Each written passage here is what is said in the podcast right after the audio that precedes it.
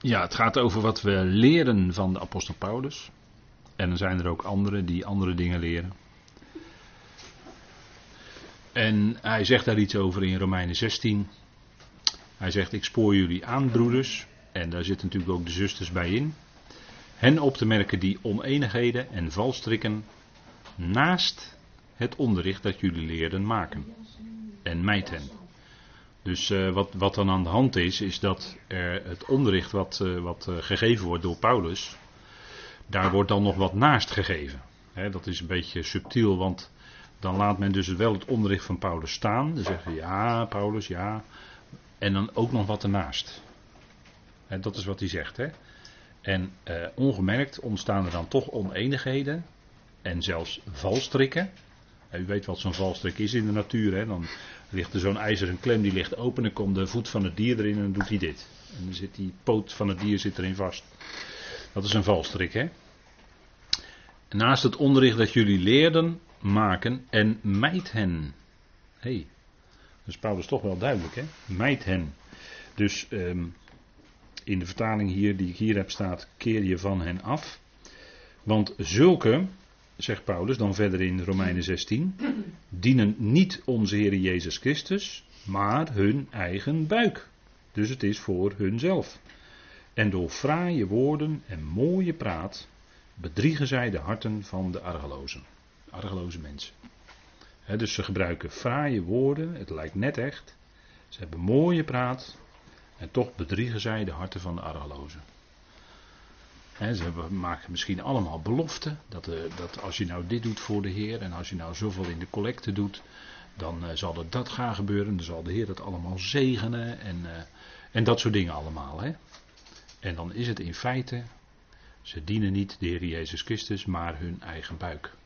Want ze volgen niet het onderricht van Paulus. Dat is het punt hè, wat hier staat. Ze volgen niet het onderricht van Paulus. Niet dat alleen. Maar daarnaast hè, ook nog andere dingen. En dat is wat dan oneenigheid veroorzaakt en zelfs een valstrik kan opleveren, waar je in verstrikt kan raken. En we hebben de voor de pauze was ik daar al even mee bezig. En een meid hen, dus dat zouden we mijden, hè? daar zouden we ons oor niet aan te luisteren leggen.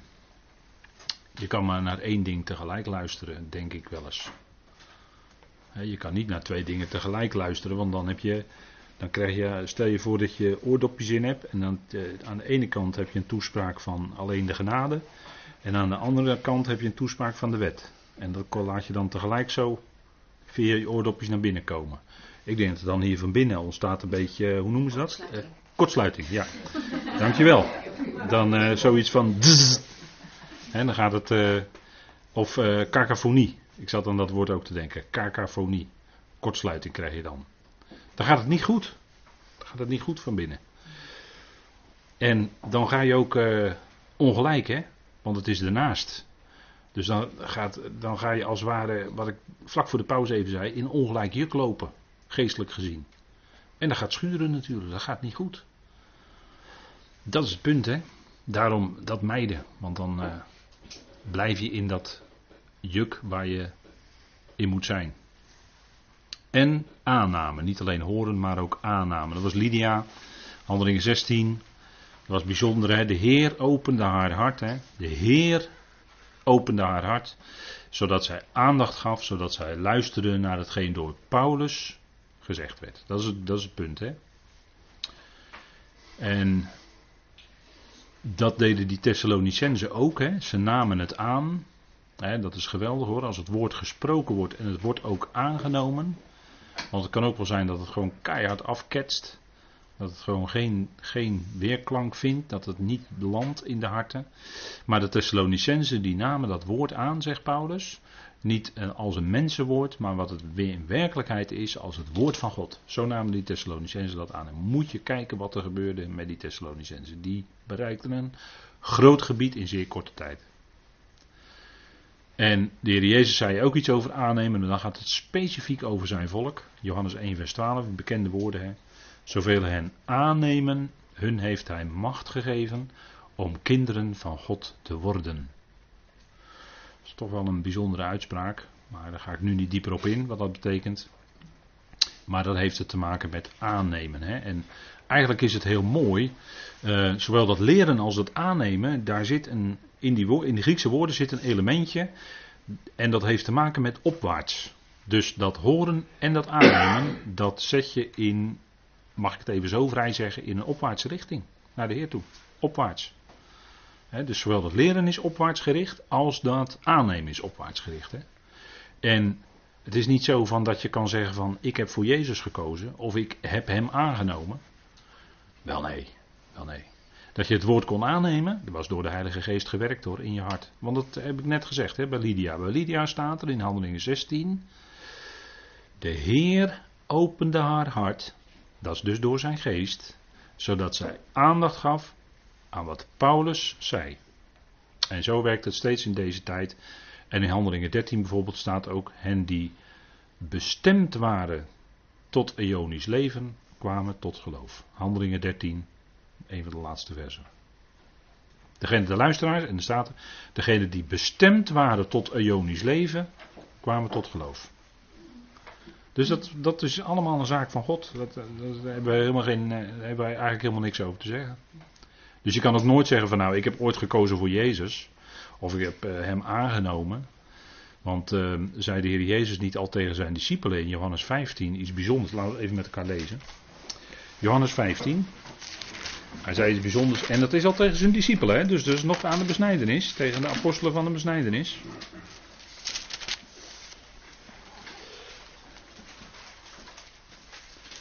want er zijn in de schrift natuurlijk toch heel wat um, heb ik wel eens meer gezegd, relatieve uitspraken, waarin relatief gesproken wordt, en absolute uitspraken. En dit is weer zo'n absolute.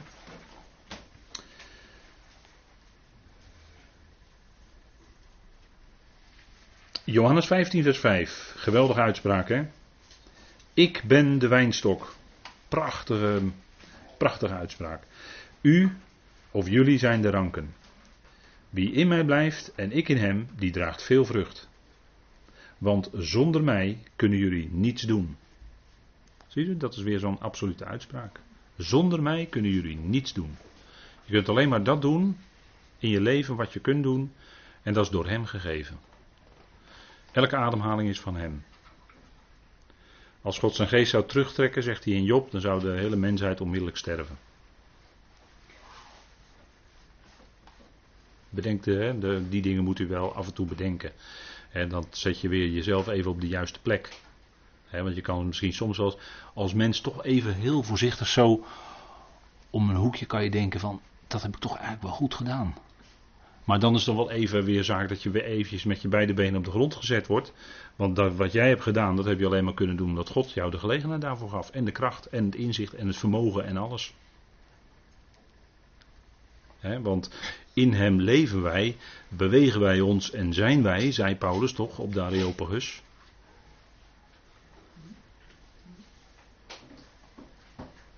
Dat is dus, en daar zei hij dat God al, overal is, dat God het hele universum doordringt. Hij woont niet in tempels met handen gemaakt. Hij zei het op de Areopagus en dan keek hij naar de tempel daarvan, uh, wie was het? Artemis geloof ik, ik weet niet precies. Hè? God woont niet in tempels met handen gemaakt. Kom, kom. God is veel en veel en veel groter. Hij doordringt het hele universum. Ieder mens heeft zijn adem te danken aan God en aan niemand anders. Hij is onze vader. Wij kennen hem als onze vader en uiteindelijk zal, zal iedereen hem erkennen en kennen als vader. Maar het punt is dat wij God kennen, maar ook zouden erkennen als de plaatser, hè? degene die alles op zijn plaats zet. En dan zet ons ook op zijn plaats bij gelegenheid. Hè? Laat u ons weer even merken, joh. Jij denkt wel dat je heel wat kan. Spierbal en zo.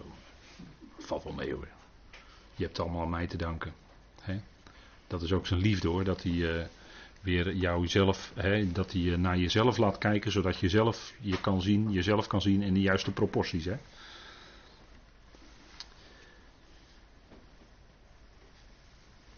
Wat jullie hoorden, hoorden en uh, dan, dan, komt uh, hè, eerst het wat van de geest in ons gewerkt is. Wat jullie hoorden en waarnamen in mij, zegt Paulus. En dan uh, Eerst heeft hij gesproken over de geest in ons. En nu spreekt hij over als het ware oren en ogen. Hè, wat ze hebben gehoord van Paulus met hun oren. Hij had daar gepredikt. Wat jullie waarnamen, dat is wat je kunt zien. Hè, waarnemen is uh, in het Grieks een woord dat heeft te maken met zien. Hè, is afgeleid van uh, mede een woord wat met zien te maken heeft. Uh, oren en ogen. En door oren en je ogen komt het naar binnen en komt het in je hart. Datgene wat zegt Spreuken al in Spreuken 4. Hè? Wijze les van de spreukenschrijver. Dat wat door je ogen en je oren naar binnen komt, dat bepaalt jouw hart. En dat keert zich ook later weer uit je hart omhoog. Dat bepaalt jou. Dat zijn onze zintuigen. En zo hebben we ook een. Waar hij een paar versen eerder over sprak. In Filippenzen 4. Zo hebben we ook een denkzintuig. Maar we hebben ook zintuigen. Oren en ogen. En de tegenstander wil maar al te graag die oren en die ogen in beslag nemen. En ons oor te luisteren leggen bij andere dingen dan het evangelie van Paulus. Bij, en ons oor, dat we ons, met onze ogen lezen andere dingen dan wat we aan voeding zouden krijgen. Daarom, zegt Paulus in Filippenzen 3, wordt gezamenlijk navolgers van mij. dat is natuurlijk een. Uh, uh, Paulus kon zichzelf als voorbeeld stellen Waarom? Omdat hij wandelde en leefde in de gezindheid van Christus Jezus. Het ging natuurlijk om de Heer. Maar in, in, in en door Paulus werd zichtbaar dat geweldige werk van de geest. Het werk van Christus. En daardoor konden ze zien, hé, hey, zo werkt het nou uit in de praktijk. Moet je eens kijken, die apostel die een woesteling vroeger was, is nu een uiterst vredig, mild en ootmoedig mens geworden. Hij vervolgde de gemeente van God. Ten dode toe zelfs. Hij ging tekeer tot en met. Dat was de donkere achtergrond. Waartegen, die, waartegen het geweldige licht van Gods genade en Gods kracht schijnt. Toen hij apostel geworden was. En als apostel ook groeide in die genade. Want ook Paulus heeft daarin een groei doorgemaakt. Hij groeide in de genade en in de liefde. Nou, dat, daarom zegt Paulus, wordt gezamenlijk navolgers van mij. Hè? Dat in het Grieks is dat mimet, hè, dat, datzelfde uh mimiek, hè, uh, imitator, hè, imiteren. Maar imiteren heeft in het Nederlands een beetje vervelende bijklank. Hè, want imiteren dat is dan altijd een beetje nep, denken wij. Hè. Maar dat zit er wel een beetje in in het Grieks, maar dat is hem nadoen. En dat was Timotheus, was iemand die hem gevolgd was, hè, die was hem volledig gevolgd. In, uh, eigenlijk in alle facetten. En dat is toch ook, daarin is Timotheus toch ook wel een voorbeeld voor ons. Een van de vier voorbeelden trouwens uit Filippenzen. 2 Timotheus 3 eh, staat dat. Daar zegt Paulus tegen Timotheus: Jij echter volgt mij volledig. Dat is het ideaal hè, voor deze tijd van genade. Paulus volledig volgen. Jij echter, 2 Timotheus 3, vers 10. Jij echter volgt mij volledig in onderwijzing. Daar begint het natuurlijk allemaal mee. Maar dat kun je niet op een gegeven moment laten liggen, de onderwijzing. Blijven luisteren, want het onderwijs blijft nodig. Dat je voedt met de woorden van het geloof en de ideale onderricht. Volg mij volledig in onderwijzing. Beweegreden, hè, dus motief, wat hem in beweging zetten. Voornemen, geloof. En u weet het hè, geloof is trouw en trouw is geloof. Dat is twee kanten van hetzelfde, maar in het Grieks en Hebreeuws is het hetzelfde woord. Geduld. Lang met elkaar er de moed in houden. dat is macro, je hoort het al, macro, dat is groot hè. Tumia, dus lang dat gevoel, dat goede gevoel met elkaar erin houden. Liefde, agape. Dat is die hoge belangeloze liefde van God hè. Dat is uh, belangeloos liefhebben dat is geen gehuichelde liefde, want Paulus die uh, noemde, ik heb vorige week, twee weken geleden, aan het einde heb ik snel dat stukje uit 2 Korinthe 6 gelezen. En daarin wordt ook genoemd ongehuichelde liefde, dat heb ik toen even benadrukt. Want wat je onder de wet krijgt, is dat mensen uh, eraan willen voldoen, maar dat wordt dan heel snel buitenkant, want ze moeten proberen elkaar lief te hebben. En dan wordt het al heel gauw onecht dan is het dus gehuicheld. Maar bij de liefde van God, als die in je hart werkt, dan, als, als er dan ongehuichelde liefde gaat functioneren. Ja, dat is bijzonder fijn. Dat is bijzonder fijn. Want dan is het echt. Dat is het echt. En dat is ook belangeloos. Dan wil je ook belangeloos lief hebben.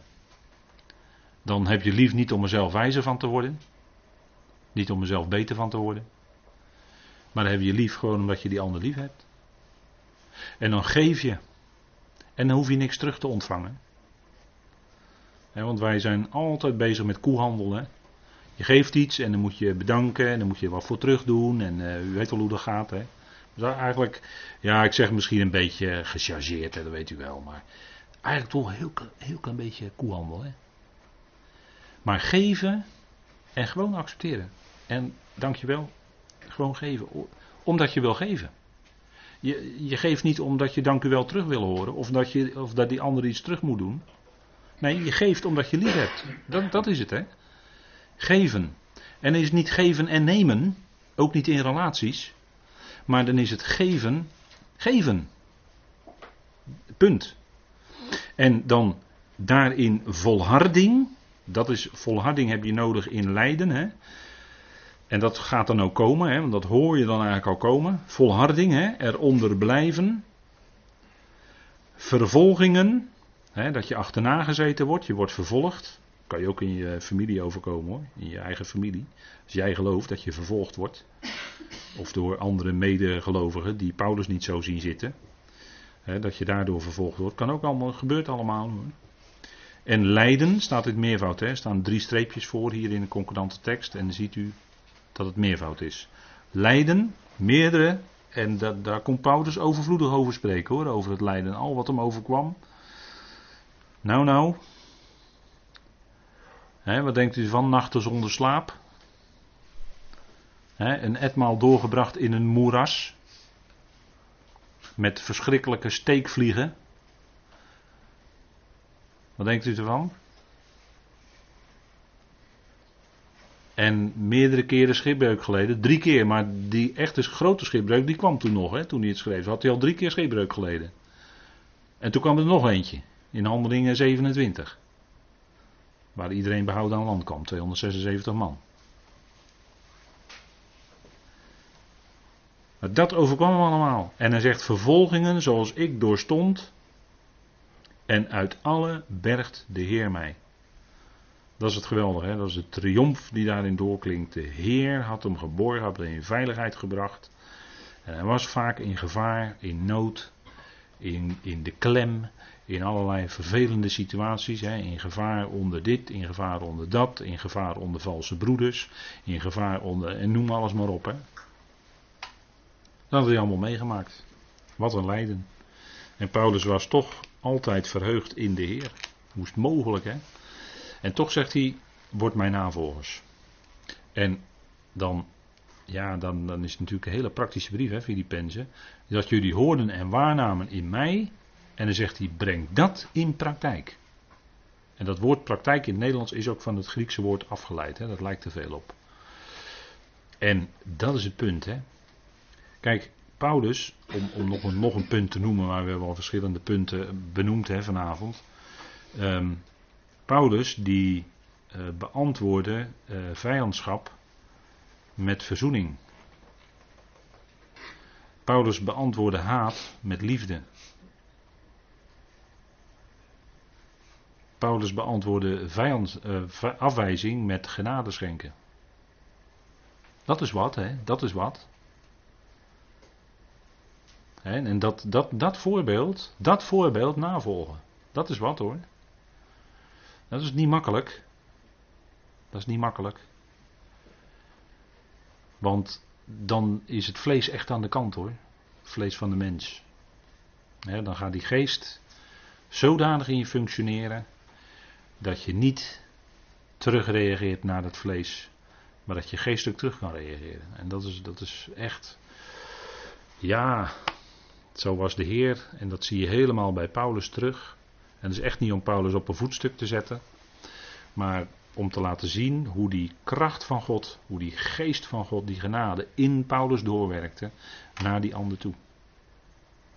En daarin was het eigen ik van Paulus volledig aan de kant. Het is niet meer ik. Niet meer dat ego.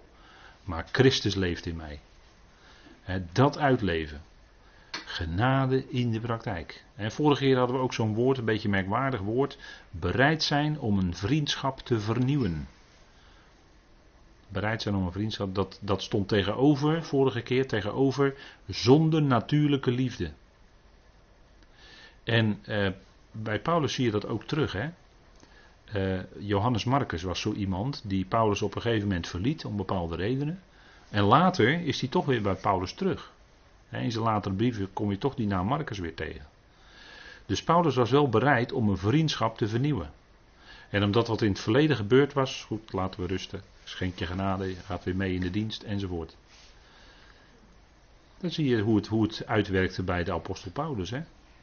En dat is voor ons het voorbeeld. Kijk nou naar dat voorbeeld. Hè? Die gezindheid. Hoe deed Paulus dat nou? En zo ook wij. En zegt u, ja, dat vind ik wel moeilijk hoor, vind ik ontzettend zwaar. Ja, maar ga er nou eens dan met de Heer over spreken. Ga eens met God over praten. Over deze dingen. Dat je toch zo moeilijk hebt met die en die. Of dat je het zo moeilijk hebt in die relatie. Spreek er met vader over. En kijk hoe die prachtige facetten van het evangelie uitwerken en, dan, dan, gaat die vreugde, de, we hebben net gelezen, ik ben de ware wijnstok. Nou, dat, heeft natuurlijk, dat is natuurlijk het beeld erachter van de vreugde die in je hart is door de geest. Dat dat, dat die vreugde, dat die vreugde van de genade ook doorwerkt in jouw relaties met andere mensen. En misschien ook wel in een hele nauwe relatie die je met iemand hebt. dat, zou heel, dat is heel fijn als dat gebeurt. Dan komt er weer ruimte waar het misschien nog heel dunnetjes was. Of is. Maar dan komt er weer ruimte van de genade. Komt er weer een stukje vreugde en blijdschap. dat is bijzonder, denk ik. Paulus zegt ja, kijk, breng dat in praktijk. Breng dat in praktijk. Hè. En ik refereer al net even aan waar Pieter afgelopen zondag over sprak. En uh, toen ik me zat voor te bereiden, moest ik heel sterk aan terugdenken. Kijk, elkaar genade schenken en dan zegt Paulus eigenlijk, ja, breng dat in praktijk. hier ziet u een uh, afbeelding die in een, uh, in een of ergens in Rome is gevonden. Hoe de gelovigen in de eerste tijd met elkaar samenkwamen. He, dan hadden ze van die agape-maaltijden, liefdemalen noemden ze dat. En dan spraken ze met elkaar. Ze aten wat, ze dronken wat. En ze spraken met elkaar over de Heer enzovoort. En er was liefde. was, dat, dat was opbouwend want de liefde sticht, zegt Paulus. de liefde bouwt op. Breng dat nou in de praktijk. En dat, eh, daar, daar, koppelt hij nog een belofte aan, daar sluiten we dan mee af vanavond. En de God van de vrede. Hij had het een paar versen eerder over de vrede van God. Maar hier gaat het dan om de God van de vrede. Die zal met jullie zijn. Breng dat in praktijk. En moet je kijken wat voor een geweldige vrede er dan in je leven komt. Dan komt de rust we lazen net over, jullie zullen rust vinden in je ziel. Dat onrustige van binnen, dat komt dan helemaal tot rust. Want de dingen komen recht te liggen. De dingen komen recht te liggen voor de Heer. Recht te liggen naar andere mensen toe. Dan moet jij kijken wat voor een geweldige vrede dat dan oplevert in jouw leven. En dat kan ook een stuk uh, lichamelijke problemen ineens doen verdwijnen hoor.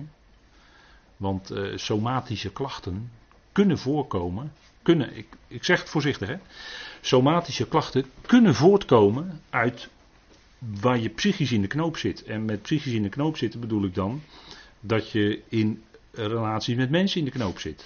Of dat je misschien met jezelf in de knoop zit. Of met je verleden. Hoe het in het verleden gegaan is. In het gezin waar je bent opgegroeid. Dat kan heel ver teruggaan hoor. En dan kunnen gesprekken met deskundigen kunnen best nuttig zijn. Maar het gaat erom bovenal dat die dat dat vanuit God gezien wordt. Hè? Dat we dat vanuit God gaan zien. En breng dat in praktijk. En dan zegt Paulus, dan zal de God van de vrede met jullie zijn. Dat is een geweldige belofte. En die belofte maakt God waar. Die belofte maakt hij waar, dat geeft hij. Dat is heel bijzonder. dat je niet je recht wil halen, maar dat je onrecht leidt. dat je niet uh, je gelijk wil halen ten koste van alles. Want dat brengt een hoop onrust in je, in je hart teweeg hoor. laat het gaan, laat het liggen. Dat zeg ik wel heel makkelijk hoor, weet ik wel. Ik zeg het heel makkelijk. Weet ik. Maar laat het gaan, laat het liggen. God werkt het uit. Breng het bij God, laat het bij Hem. Het is bij Hem bekend. En te zijner tijd, ook in relatie onderling tussen gelovigen, dat wat er scheef ging bij de Bema, komt dat ook bij de, door de Heer, wordt dat allemaal wel op zijn pootjes rechtgezet. Echt wel. Maar punt is, de God van de vrede zal met jullie zijn. Dat is de gezindheid van de geest. Gezindheid van de geest. Die gezindheid van die geest in ons werkt. Want dat is leven en vrede. Geweldige belofte. Nou, daar kunnen we dan mee afsluiten. En dan voel je misschien een beetje als die vogel die daar vliegt. Hè. Tot zover voor vanavond.